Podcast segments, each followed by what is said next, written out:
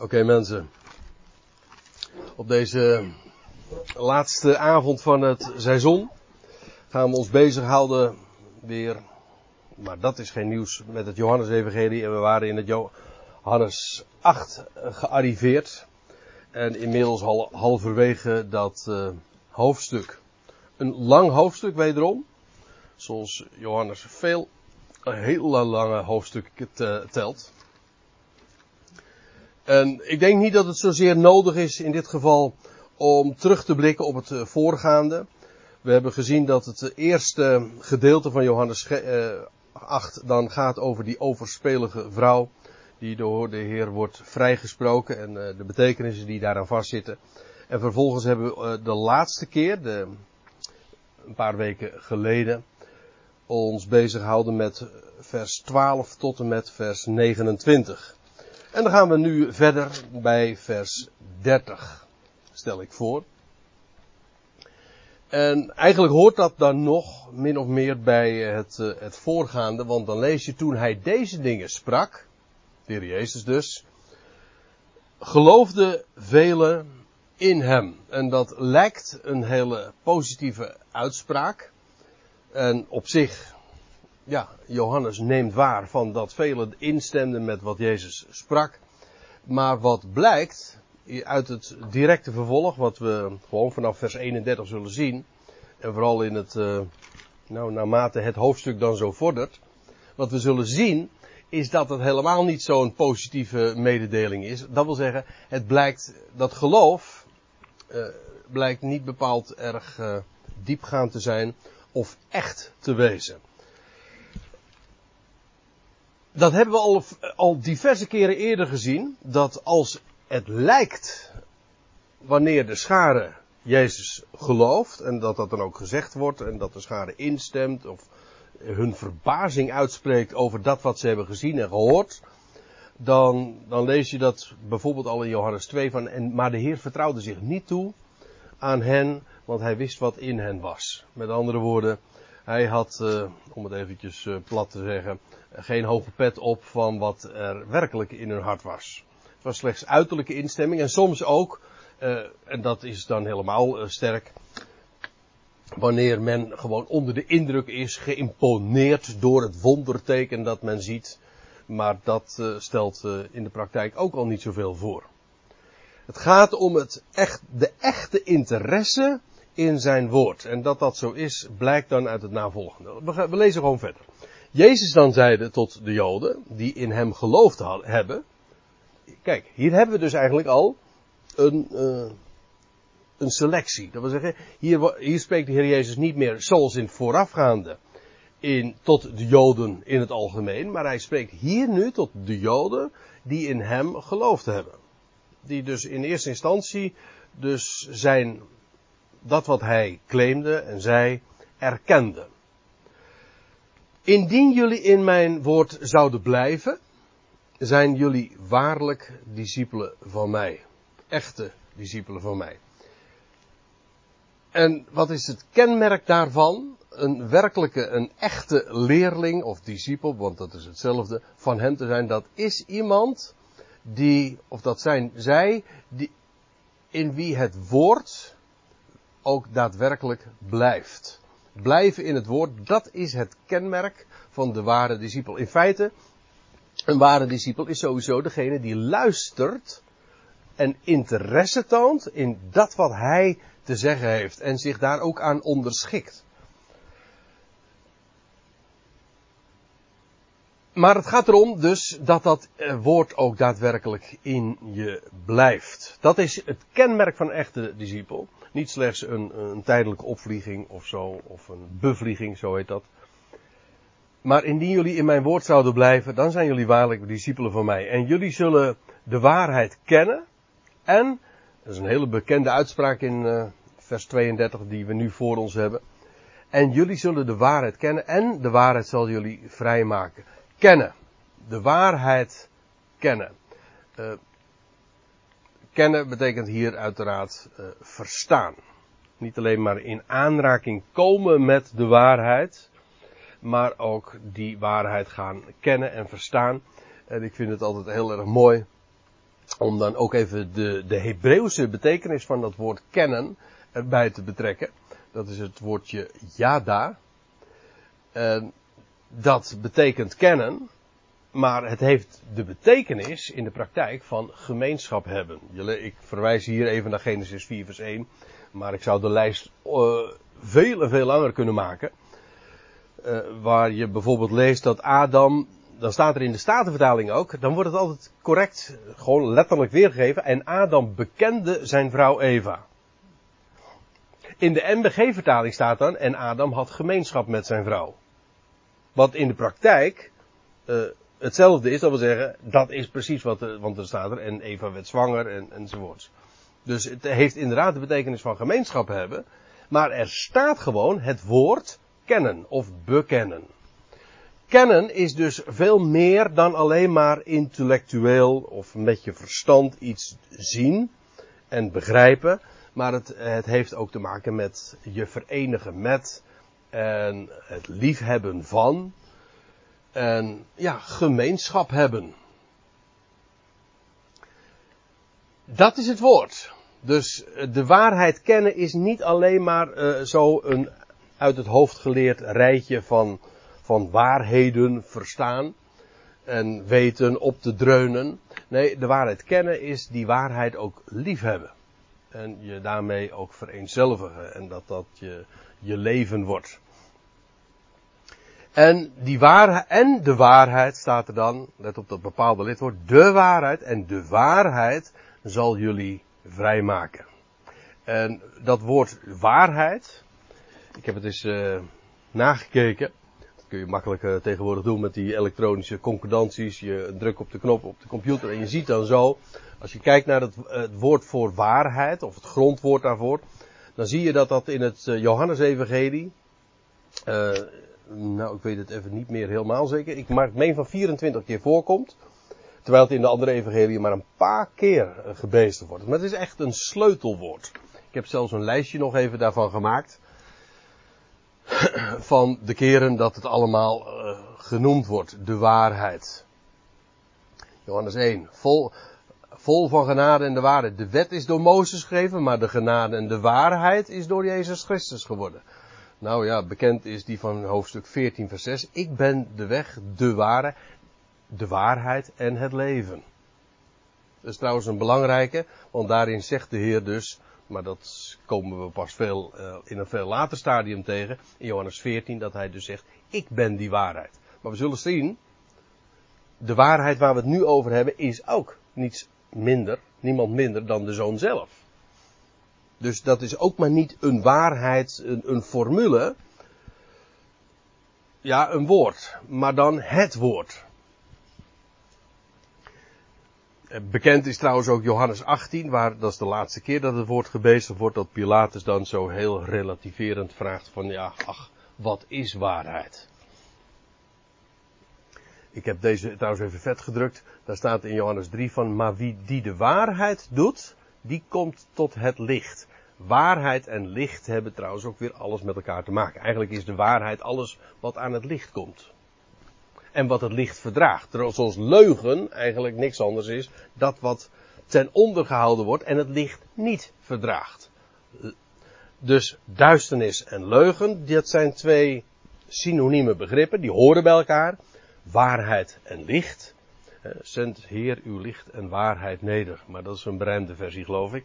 Maar goed, daar moet ik zomaar aan denken. Licht en waarheid.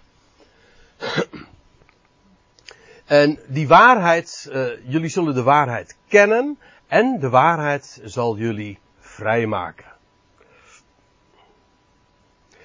Zodat waarheid en vrij, ik had het net over waarheid en licht, maar hier waarheid hoort bij vrijmaken, zoals leugen bij slavernij hoort. Waarheid, niet arbeid, uh, dat, is, dat, is, de Duitse versie dan, hè? arbeid mag vrij. Nee, waarheid mag vrij. En in, het is, hè? En arbeid, uh, ja. Ja. Hè? Ja. In de praktijk vaak wel, ja. Maar, Ja, je, ja, dat doen we niet. We doen bijbelstudie, maar je zou daar, daar, daar zit, juist omdat Johannes zulke begrippen eh, nogal eh, veelvuldig gebruikt in, in, in, de, in de evangelie, waarheid, licht, waar, eh, leven. Het, is, eh, het blijkt zo'n zo diepgaande waarheid, uh, met recht waarheid te zijn, dat waarheid vrij maakt. Altijd, zelfs dus in de niet eens specifieke betekenis waarin de Heer Jezus het hier bezigt, maar in het algemeen is het zo dat daar waar de mens de waarheid spreekt en waarachtig is en niks ten onderhoud, dat maakt vrij. Net zo goed als dat iemand die een kronkelweg bewandelt en dingen ten onderhoud, die komt in, uh, die komt in de kramp. En dat is in feite al, dat is al een vorm van dat je gebonden bent. Je kan niet alle kanten meer op. Je moet, uh, het is heel complex ook. Je krijgt er ook een complex van, maar je moet heel veel onthouden. Uh, dat is allemaal wat leugen is. En ik heb ook gehoord van mensen die in verslaafd zijn, dus met recht slavernij, dat, dat is juist ook iets wat kan, kan voortduren dankzij het ten onderhouden van de waarheid. En juist, en dan is in feite de slavernij niet eens het probleem, maar de leugen. De leugen is het probleem, want de waarheid zou vrijmaken. Nou ja, dat, uh, ik, ik heb daar zelf terwijl ik gisteren een eentje aan het wandelen was en ik met deze dingen al bezig was, zat daar zo over te denken. Nou, ik geef het zomaar even door. Eventjes, uh, hier is het ook nog eens zo, dat de waarheid, hij zegt dat tegen de Joden, die ogenschijnlijk dus hem gelijk gaven en in hem geloofden. Maar, nou zegt hij, blijf in mijn waarheid. Als je in mijn woord blijft, daarmee betoon je een echte discipel van mij te zijn. Maar die waarheid, en dan leer je ook daadwerkelijk de waarheid kennen. En die waarheid zal jullie ook vrijmaken. En dat is hier ook, die waarheid maakt vrij, ook onafhankelijk, vrij van menselijke instellingen, tradities en oordelen. We zullen dat trouwens ook in het volgende hoofdstuk zien, Johannes 9. Eh, als die eh, blindgeborene, ja, daar was het duister hij krijgt het licht te zien. En vervolgens, uh, wat gebeurt er? Dan wordt er navraag gedaan en dan weet hij nog niet zoveel. Dan zegt hij nou, één ding weet ik, dat ik vroeger blind was en nu zie. Maar dan lees je ook dat ze hem uit de synagoge hadden gegooid. Om dat wat hij beleed, want het was bovendien nog op een Sabbat gebeurd ook. Uh,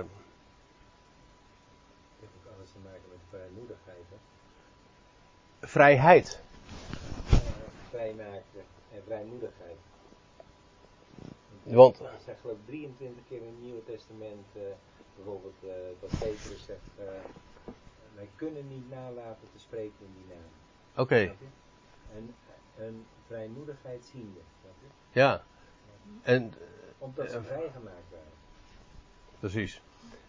En, maar op het moment dat je ook niet het, het gemis aan vrijmoedigheid, dat is in feite dat je niet echt kan zeggen dat wat je, waarvan je weet dat het waar is. Ja, dat, dat, dat, uh, zij, zij hadden de vrijmoedigheid. Trouwens, het uh, interessante van het woord vrijmoedigheid is. Uh, dat in het, Griekse woord is paresia, maar als je dat even ontleedt, par en dat resia heeft te maken met alles spreken. Dus in feite, iemand die vrijmoedig is, die houdt niks ten onder, het, het, niks achter, niks ten onder, maar die zegt gewoon, die spreekt vrij uit. Eigenlijk wat is wat, wat wij ook uh, daarmee bedoelen. Als iemand zegt, iemand die vrijmoedig is, nou die, die staat daar naïef en die vertelt gewoon wat hij te melden heeft zonder uh, te denken over hoe zal dat vallen bij die en nee, dan ben je, want dat is juist wat de vrijmoedigheid uh, inperkt, ja. En dan ben je dus niet meer vrijmoedig. Op het moment dat je gebonden, dan ben je echt weer gebonden, ja. Maar het maakt je dus ook vrij uh, van dat soort menselijke instellingen. Je komt dan ook buiten te staan. Dus in die zin uh, zit daar ook nog de gedachte in van, ja, in de, in dat wat mensen zo samen hebben, in de legerplaats, hè, om het eventjes uh, in de termen van de Hebreeënbrief te zeggen, gewoon in de gevestigde orde, maar ook in de gevestigde godsdienst, in de, in, in de synagoge of in de kerk. Gewoon daar waar mensen zelf hun naam hebben gevestigd, ja, daar, heb je, daar is dan geen plaats voor je. Want ja, maar ook daarvan geldt, de waarheid zal je vrijmaken. Het maakt je dus onafhankelijk van menselijke instellingen, oordelen, inzichten, tradities, want je weet hoe het is. Als je weet wat, als je weet, als je kunt getuigen van, ik weet dat het zo is. Niet omdat een mens dat zegt, maar omdat er staat geschreven, hè, om het met de psalmdichter te zeggen, ik heb het zelf uit zijn mond gehoord. Ik, eh, ik weet het, want de schrift zegt het hier en daar. Kijk, dan kun je vrijmoedig daarvan getuigen. Dat wordt je niet overal in dank afgenomen. Oké, en dan kom je dus misschien vrij, uh, vrij te staan. Dan word je vrijgemaakt met recht. Hè? Nee, ik bedoel niet. Oh, je moet soms erg letten op je woorden. ja, maar dan word je hervormd in je denken. En dat kan ik ook weer niet zeggen. Ja. ja. Nee. Ja, overal hebben we dan weer etiketjes opgeplakt. Maar de waarheid maakt vrij. Ja, dat is een, dat is een, dat, alleen al dit. De waarheid maakt vrij. Op elk niveau is dat al zo. maar vooral als we gaan eh, realiseren wie die waarheid is. Want eigenlijk hebben we het nu nog vooral over wat de waarheid is. Maar het gaat erom wie de waarheid is. En zo moet ik het ook echt zeggen. Dat blijkt uit het vervolg. Eerst nog even dit. Zij uh, antwoorden naar hem toe. Wij zijn zaad van Abraham. Uh, daar zit alweer, daar blijkt eigenlijk meteen al uit dat wat we twee versen eerder nog lazen, ze geloofden in hem. Nou, ze kennelijk hadden ze nog niet erg veel daarvan begrepen. Want nou ineens zeggen ze van, wij zijn zaad van Abraham. Dus uh, ze bogen zich op hun vleeselijke, hun natuurlijke afkomst. Wij zijn zaad van Abraham en van niemand zijn wij ooit slaven geweest. Hoe zegt u dan dat jullie vrij zullen worden? De Heer had net gezegd van als jullie werkelijk mijn discipelen zijn, zouden jullie in mijn woord blijven. Het eerste, een eerste reactie is van nou ja, we, hoezo vrij worden? Of vrij, hoe, hoezo vrij maken? We zijn nooit uh, van iemand slaven geweest. En dat bedoelt de Heer natuurlijk niet, of dat bedoelen deze mensen niet politiek gezien. Want al, al, al sinds eeuwen was Israël, ook in deze dagen, dat dit gespeelde. Er waren ze al onder vreemde heerschappij. In deze dagen onder de, die van de Romeinen, daarvoor onder die van de Grieken en daarvoor onder de per, Medo-Persen enzovoorts. Dus al, al eeuwenlang was Israël, uh, ging gebukt onder een politieke overheersing. Uh, waren ze bezet. Maar zij bedoelen, we zijn zaad van Abraham en als zodanig, in godsdienstig opzicht, omdat we uitgekozen zijn, we zijn kinderen van de uitverkoren Abraham, wij zijn zaad van Abraham en daarom, uh, alleen om die reden, vanwege deze afkomst, zijn hoezo slaven? Hoe zegt u, hoe zegt u jullie zullen vrij worden? Met andere woorden, de heer suggereerde daarmee, en dat, is, dat klopt, jullie zijn helemaal niet vrij. Maar zij zeggen, zij zeggen hoezo? Wij zijn toch vrij? Dat wat wij, uh, waarvan moeten we nog verlost worden? Waarvan moeten we nog bevrijd worden? Dat is uh, wat zij zeggen. En Jezus antwoordde hen, weer voorwaar. Hè? Amen, amen. Ik zeg tot jullie, dat ieder die de zonde doet, slaaf is van de zonde. Eerst even dit, eh, want het, dit, dit klinkt wat abstract. Dat heb je wel hebben we wel vaker gezien in het Johannes-evangelie. Dat je even moet denken van, wacht even, uh, wat, is, wat is hier uh, de lijn van het, uh, het betoog? Waar gaat het? kijk, je kunt een tekst op zich nog wel begrijpen, maar dat je dan even je af gaat vragen van, hoe, hoe loopt dit verhaal? Hoe loopt dit gesprek? Ik ben even de draad kwijt. Zo. Eerst even dit. Als hier staat doet, en dat, als de Heer zegt, ik zeg tot jullie dat ieder die de zonde doet, dan staat hier in de, dat zeg ik niet om interessant te doen, maar om eventjes aan te geven, de kracht van, uh, van, de, van deze uitdrukking. Het staat in de tegenwoordige tijd. Dus eigenlijk dat een ieder die bezig is de zonde te doen, dus als een continu ding. En dan nog iets, uh, de zonde. Niet, het, gaat hier niet over één specifiek. De zonde in het algemeen. En de zonde is hier. De zonde. Dat is het niet erkennen van de waarheid. Dat is zonde. Dat is doel missen. Denk niet meteen moralistisch van dat is uh, een, een, foute daad in, in de morele zin van het woord of iets wat ethisch niet kan. Dat is het niet. Zonde betekent doel missen. En de zonde, dat is het niet erkennen van de waarheid. Immers, kijk, de Heer had gezegd, nou laat ik het even zo lezen dan. Als je in mijn woord blijft, dan zul je waarlijk mijn discipelen zijn. En je zult de waarheid, de waarheid verstaan. En de waarheid zal je vrijmaken. Wat betekent dan de zonde? Nou, dat is dat wat gevangen houdt. Dat is die leugen. Het niet erkennen van de waarheid.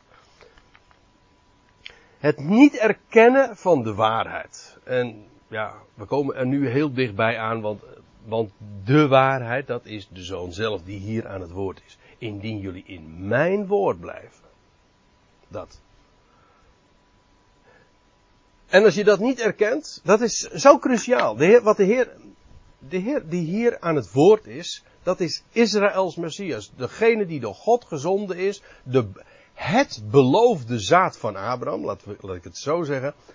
En hij zou degene zijn die alle beloften en, en, en profetieën van die de profeten hadden uitgesproken, zou gaan vervullen. Hij zou de, het de toekomende eeuw laten aanbreken. Hij zou het leven aan het licht brengen. Nou. Het gaat allemaal om het kennen en het erkennen van hem. Want hij doet het nou. Hij doet het. De zoon. God werkt via de zoon. Daarom is het erkennen van de zoon cruciaal. Mooi woord trouwens, cruciaal, want dat is, woord is afgeleid van het kruis.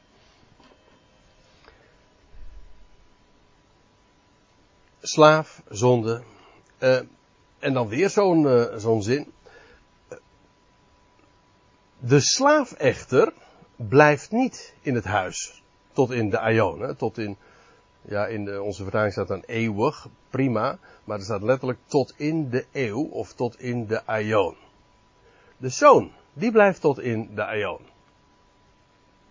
Kijk wat de Heer eigenlijk zegt, is, jullie zijn wel zaad van Abraham,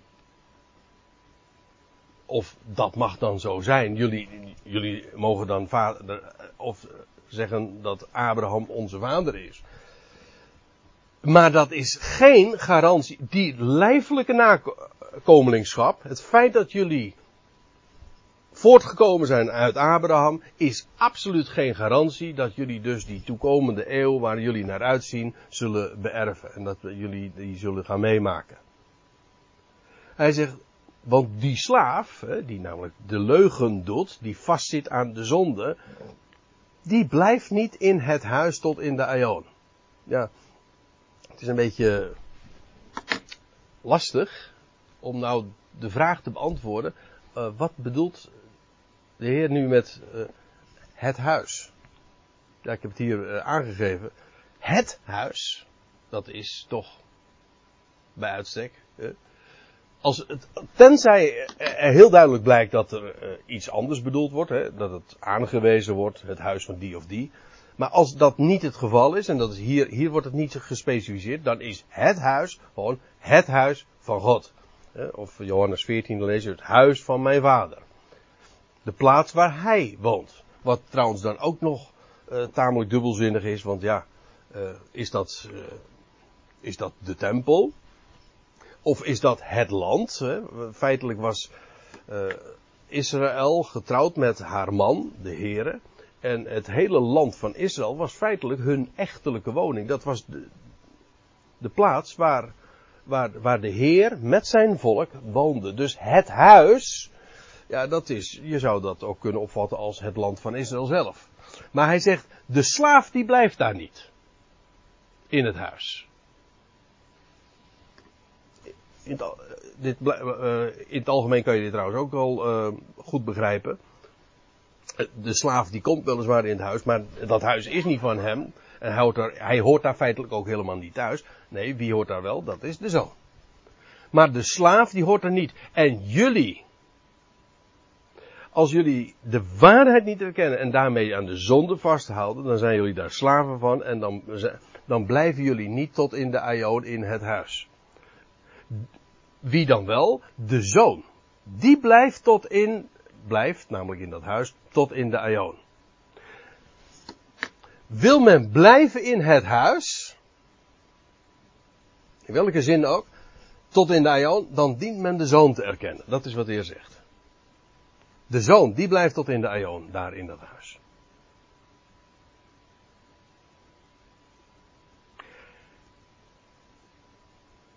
Indien dan, en nou komen we in vers 36, en feitelijk is dit dan ook de uitleg van wat we al in vers 32 zagen, indien dan de zoon jullie zal vrijmaken. Aha.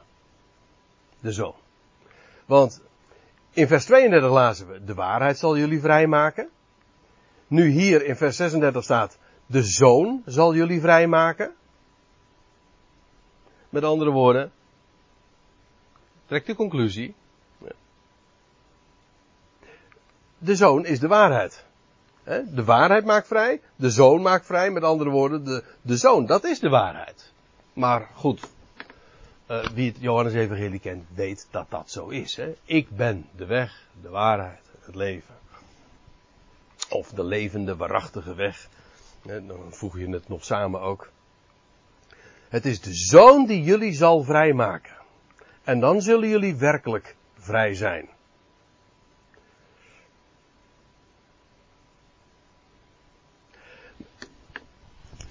Bedenk ook nog even goed, als de Heer Jezus hier spreekt, daar in Jeruzalem, dan spreekt hij tot dat Joodse volk, dat volk met haar verwachting als zaad van Abraham voor de toekomende eeuw. En zij dachten dat het loutere, de afkomst van Abraham en het feit dat zij nakomelingen van Abraham, Isaac en Jacob waren, dat dat hen dus per definitie dus zou brengen in, uh, in het Messiaanse Rijk, in die toekomende eeuw. Dat was wat zij dachten. En de Heer dat is helemaal niet waar. Dat is niet waar. Want als je een slaaf bent, dan zul je daar helemaal niet in komen. Alleen bij, door de zoon. De zoon die zal jullie vrijmaken. Die zal jullie ook het leven geven. Maar dat betekent wel dat je die, die zoon ook erkent. Daar komt trouwens bij. En uh, nou, nou gaan we even een uitstapje maken. Abraham had twee zonen. Kijk, je kunt wel zeggen, zoals zij, uh, wij zijn zaad van Abraham. Ja, daar, ken, daar heeft Paulus het over, ook over in Galaten 4. He, dat Abraham twee, daar staat dit, in Galaten 4. Laten we even een klein stukje daarvan le lezen. Ik wil daar niet te diep op ingaan, want per slotverrekening, we het niet over Galaten 4, maar over Johannes 8. Maar om dit even goed te begrijpen. Eh, daar, Paulus legt dat namelijk geweldig uit. Dan zegt hij, en met excuses dat ik nu zo midden in het verhaal uh, zo terechtkom. Daar staat, er staat immers geschreven, schrijft Paulus, dat Abraham twee zonen had. Eén bij de slavin en één bij de vrije. Dat wil zeggen bij de uh, slavin, dat is Hagar, en de vrije, de vrouw, de, de, de vrouw die namelijk niet, geen slavin was, maar vrij was, oftewel Sarah. Maar die van de slavin, die was naar het vlees verwekt.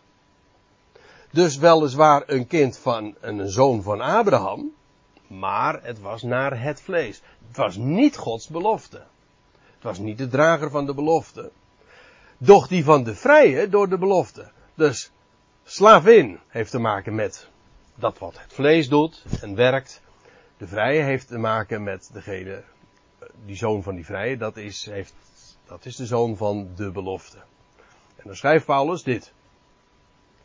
Dit is iets waarin een diepere zin ligt.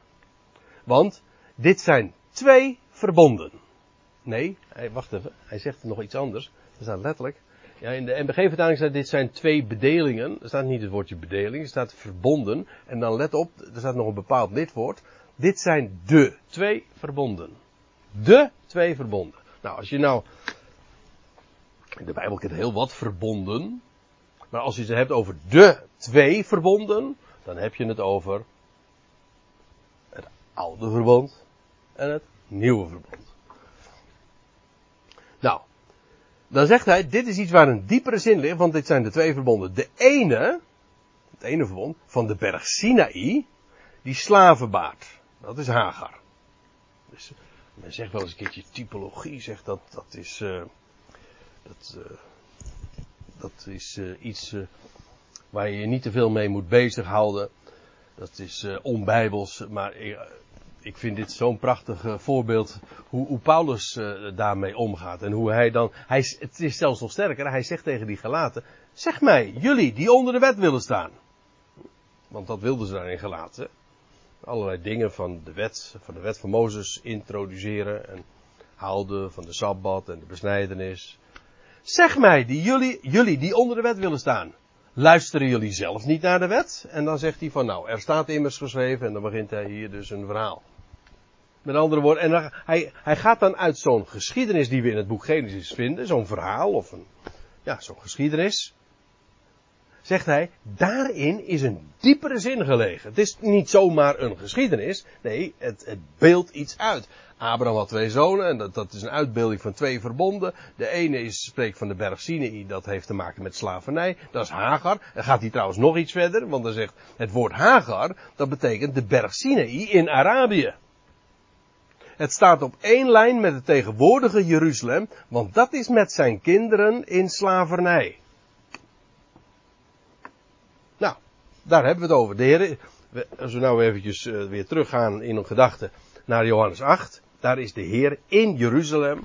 En, nou, om met Paulus woorden te spreken, het tegenwoordige Jeruzalem, dat is met haar kinderen in slavernij. Dan kun je zeggen van, ja, we zijn kinderen van Abraham. Jawel, maar de vraag is niet wie is je vader, maar de vraag is wie is je moeder. Ik zou eigenlijk even verder moeten lezen nog, maar ik, ik, ik hou hier nu op. Ben je een kind van, van Hagar, van, van de slavernij, of van de vrije? Verwacht je het van het vlees? wat naar het vlees verwerkt, of dat waar, waar God zijn belofte aan verbonden heeft en wat God, waarvan God gezegd heeft, ik ga het doen. Ja, dat ene is vrijheid, het andere is, is slavernij. Dus ja, dat, die hele claim van wij zijn zaad van Abraham, dat zegt niet zoveel. En uh, je zou dat ook nog in Romeinen 9 kunnen lezen, dat Paulus dan zegt van ja, uh, Israël en Israël, dat is twee natuurlijk. Hè. Ja, precies ja. Dat is Romeinen 9. Ja. Ja, ja dat is uh, nogal een uitgebreid onderwerp, want het is een thema dat op allerlei wijzen weer terugkomt.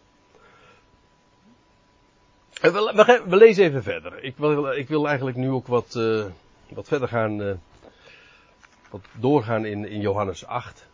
Te meer ook omdat het is een doorlopend betoog van de Heer. Dus we, op het moment dat je dan even een uitstapje maakt, dat kan wel, maar dan moet je iedere keer weer even weer resetten, zeg maar. En om, om weer terug te komen bij, bij de lijn van, van Johannes 8. Dan zegt de Heer, ik heb waargenomen, dat, dat betwist hij niet, dat jullie zaad van Abraham zijn. Dat wist hij uiteraard. dat staat ook niet ter discussie. Hij zegt, maar jullie zoeken mij te doden. Dat wist hij. En een half jaar later zou hij ook daadwerkelijk door hen gedood worden. Ik heb al eerder opgemerkt, deze geschiedenis, hier in Johannes 8, dat is, in, bij, dat is zo rond het Loofhuttenfeest. Dat is een half jaar voorafgaand aan het paascha dat de Heer, uh, waarin de Heer werd uh, overgeleverd en waarin hij uh, stierf. Hij zegt, jullie zoeken mij te doden. Eigenlijk is dat ook weer die vijandschap van, van Ismaël en Isaac. Dat, die twee verdragen elkaar niet. En ja, nou ben ik weer even terug bij Johan Gelaten 4, dat, dat, dat Paulus ook uiteenzet van ja, het is of het een of het ander. Zend de, de zoon van de slavernij uit. Zoals dat de Heer ook tegen Abraham gezegd had. Want de een zal niet delen in de, uh, zal niet gemeenschappelijk uh, erven met de ander. En jullie zoeken mij te doden. Waarom? Omdat het woord, namelijk het mijne, het mijn woord, in jullie geen plaats inneemt. Dus, waar we een aantal versen geleden, in vers 30 lees, lazen we nog van velen geloofden in hem. De Heer had daar dus echt geen hoge fiducie van. Niet veel fiducie in. Hij zegt, want het is slechts uiterlijke instemming, het woord, namelijk het mijne, dat neemt in jullie geen plaats. Niet hier. Hij zegt, de dingen die ik gezien heb, bij de Vader, die spreek ik. De, ja, wat bedoelde hij dan als hij uh, spreekt over de dingen die ik heb gezien bij de Vader? Ja, dan heeft hij het weer over dat wat hij gelezen heeft in, eh, in de schriften. Maar dat is zijn woord, toch? De dingen die ik gezien heb bij de Vader spreek ik. En jullie dan? Doen jullie de dingen die jullie horen bij de Vader? Dat wil zeggen, geloven jullie in het woord dat hij tot hen zendt? En zij antwoorden en zeiden tot hem, de vader van ons is Abraham. Ja, de, nou herhalen ze wat ze al e- veel eerder zeiden in, in vers 33, eh, wat we al eerder zagen. En ze ontkennen daarmee ook weer eh, dat zij in slavernij zouden zijn. Dus ze blijven eigenlijk gewoon voet bij stuk houden. Wij zijn zaad van Abraham, waar heb je het over? Hè? Basta. Basta, ja.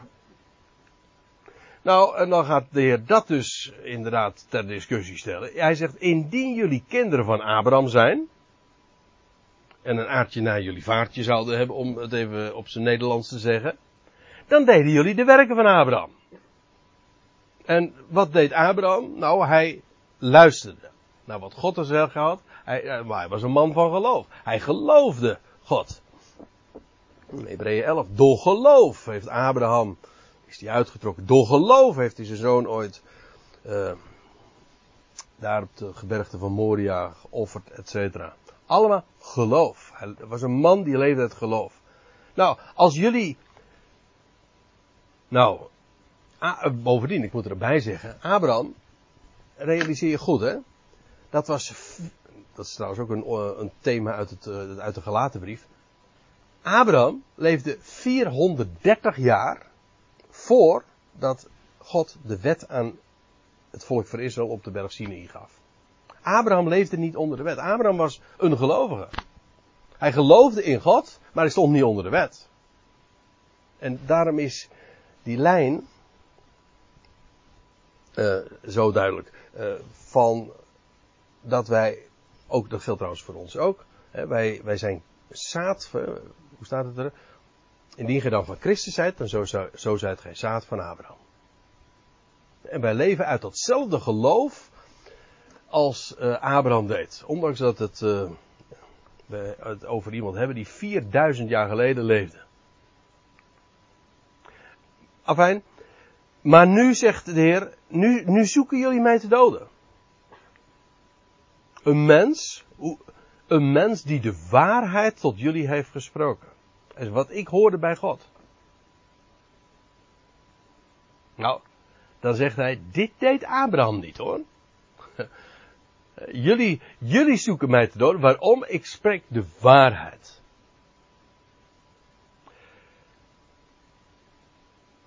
Namelijk dat wat ik hoorde bij God. Dat wat God gesproken heeft en wat in de schriften staat opgetekend. Nou, dat is niet wat, uh, dat is niet des Abrahams. Doen jullie de werken van jullie vader? Dat is een retorische vraag, hè? met andere woorden, jullie doen dat niet. J jullie. Er staat een vertaling die suggereert, wij doen de werken uws vaders. Dus eigenlijk dus niet Abraham, maar uh, de vader zoals die aangeduid worden die in de woestijn dan. Uh. Zo werd het tenminste zo vertaald. Ja, Gij doet de werken uw vaders. Dus waar Jezus al eerder aan refereert, die in de woestijn ook al zondigden. Is dat zo? Is dat, heb ik maar uw vaders, dat betekent, in oud-Nederlands betekent, nog, eh, betekent is niet per, deze, per definitie uh, meervoud hoor. Nee, omdat het zo staat, dat weet Abraham niet. Gij doet de werken uw vaders. En laat het zeggen ze wel. God is onze ja, dat, ja, daar komen we straks tegen. Ja, een paar versen later komen we dat tegen. Uh, ik kan daar even niet zeggen, want dat zou een handschriftenkwestie kunnen zijn. Als ik nu hier kijk, in die grondtekst, dat is het mooie dan als, we, als dat zoiets ter sprake komt, dan zie je, het gaat hier over patros, dat is één, dat is enkelvoud. De werken van de vader van jullie. Niet van de vaderen van jullie, nee, van de vader van jullie. Dus ik denk, het is hier dus echt een, een vraag. Doen jullie, de, doen jullie de werken van jullie vader? Namelijk, van, van Abraham. Is het daar een vraag? Nou, in de MBG-vertaling trouwens ook hoor. Uh, even, nou moet ik even goed kijken.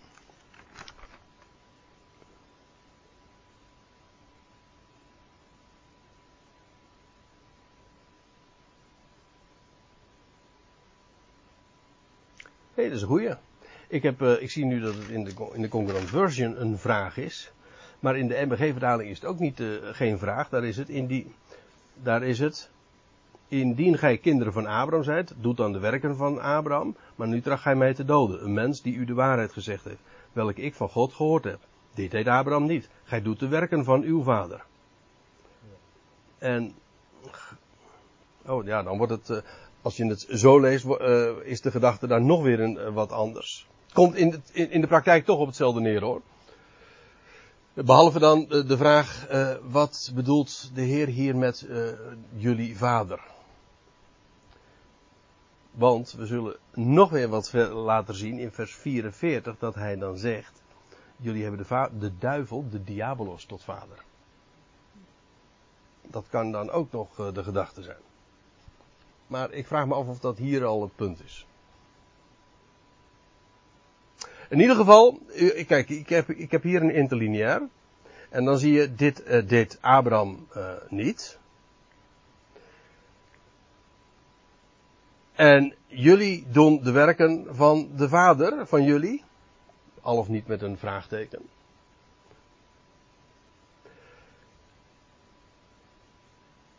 Afijn, uh, ik, ik kan daar verder nu geen uitspraak over doen. Ik, eh? Nee, dat maakt voor, de, voor de, de algemene lijn ook niet zo heel veel uit. Uh, zij zeiden, reageerde dan weer, zij zeiden tot hem, wij zijn niet uit hoererij geboren. Ik moet er nog eventjes iets bij zeggen. Uh, dit, Johannes 8, dit, de, het passage, de passage die we nu onder ogen hebben, vanaf vers 30 tot 59, het is het heftigste, het heftigste gesprek, een twistgesprek, dat we in het hele Johannes-evangelie tegenkomen. Er komen er heel wat tegen, maar geen gaat zo diep. We zullen nog heel wat meer tegenkomen van die enorme ferme uitspraken.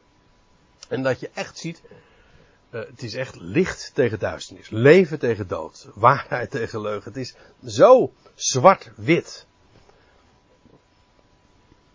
En, en nu, ook weer, uh, dat zij zeggen, zij zei tot hem, wij zijn niet uit hoererij geboren. Wat trouwens uh, vervolgens ook weer een uh, vraag oplevert. Ja, waar doelen ze op? Uh, waar doelen ze op, ja? Ehm, een van de verklaringen, ik geef hem ter overweging, dat is, is dit een bedekte beschuldiging? Zo van, wij zijn niet uit hoererij geboren. Jij wel. En dat hier een uh, bedekte verwijzing is uh, dat Jezus geboren zou zijn uit hoererij. En dat hij uh, geboren uit een, maagd, maar dan een buitenechter kind zou zijn en geboren zou zijn uit hoererij. Was dat de gedachte? De beschuldiging? Het staat er niet expliciet. Hè? Alleen, het, het, is wel een hele suggestieve vraag. Zo als je zegt, wij zijn niet uit hoererij geboren. Daarmee suggereer je, jij wel. Of u wel. er is, we hebben hier deze suggestie, maar het is in 8, vers 48, we komen daar zo op, zullen we weer iets soortgelijks zien, dat ze zeggen dat u bent de Samaritaan. En het is een bekende in, uh, gedachte ook in de, in de Talmud, dat wil zeggen in de Joodse overlevering, is een van de, de, de, suggesties dat Jezus inderdaad een buitenechter kind zou zijn en een geboren zou zijn uit de hoererij. En dat zijn vader, zijn biologische vader, dat is hun claim dan, uh, een Samaritaan zou zijn. En dat, dat zou dan ook weer zijn sympathie verklaren voor, voor, eh, voor de Samaritanen. Dat is wat men zegt. Maar ja, men zegt zoveel. Hè? In ieder geval, zij zeiden tot hem, wij zijn niet, wij zijn niet uit hoererij geboren. Wij hebben één God, de Vader. Zeggen ze. Dat, dat is een waarheid waar eh, de, de Joden nooit van afgeweken zijn. Wij hebben één Vader, de God. Letterlijk. Hebben wij niet alle één Vader? Heeft niet één God ons geschapen? En Jezus zei tot hem, indien God jullie Vader was. Werkelijk. Zouden jullie mij lief hebben. Hoezo? Nou, want ik kwam vanuit God. En ja, sorry dat dat wat vreemd, een vreemde weergave is. Maar hij zegt letterlijk, en ik ben arriverend. Ik kom hier, ik kom hier nu aan. Letterlijk ook het woord wat hier nu gebezigd wordt.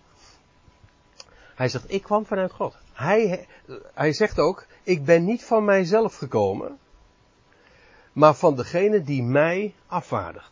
Hij heeft mij gezonden. Ik kom niet uh, in mijn eigen naam. Ik, met woord wat ik spreek, dat is ook niet het woord van mijzelf. ik, hij, is degene, hij is de vervulling van, van wat er in Psalm 40 staat. In de boekrol staat van mij geschreven. Zie hier, ik kom om uw wil te doen. En, en hij heeft niet anders gedaan dan, dan met het woord van zijn vader bezig te zijn en om, om dat woord te vervullen. Hij wist, dat is mijn missie. Daartoe ben ik gezonden. En, en nu is hij door die God gekomen, uh, ja, door die God gezonden. En door het volk waar hij uh, naartoe gezonden was, wordt hij massaal zo afgewezen. Soms in uiterlijk niet, maar in de praktijk dus wel. Ook, ook dit gezelschap dat hij nu aanspreekt, uh, is dat zo. En natuurlijk, dit wist Jezus ook. Hij wist ook dat hij niet geloofd zou worden. Maar probeer je even voor te stellen wat dat voor hem geweest is. Om het volk dat hij zo lief had. En om dit, uh, om, om, om zulke reacties te krijgen. Om zo'n afwijzing te krijgen. Hij zegt, vanwege wat onderkennen jullie mijn spreken niet?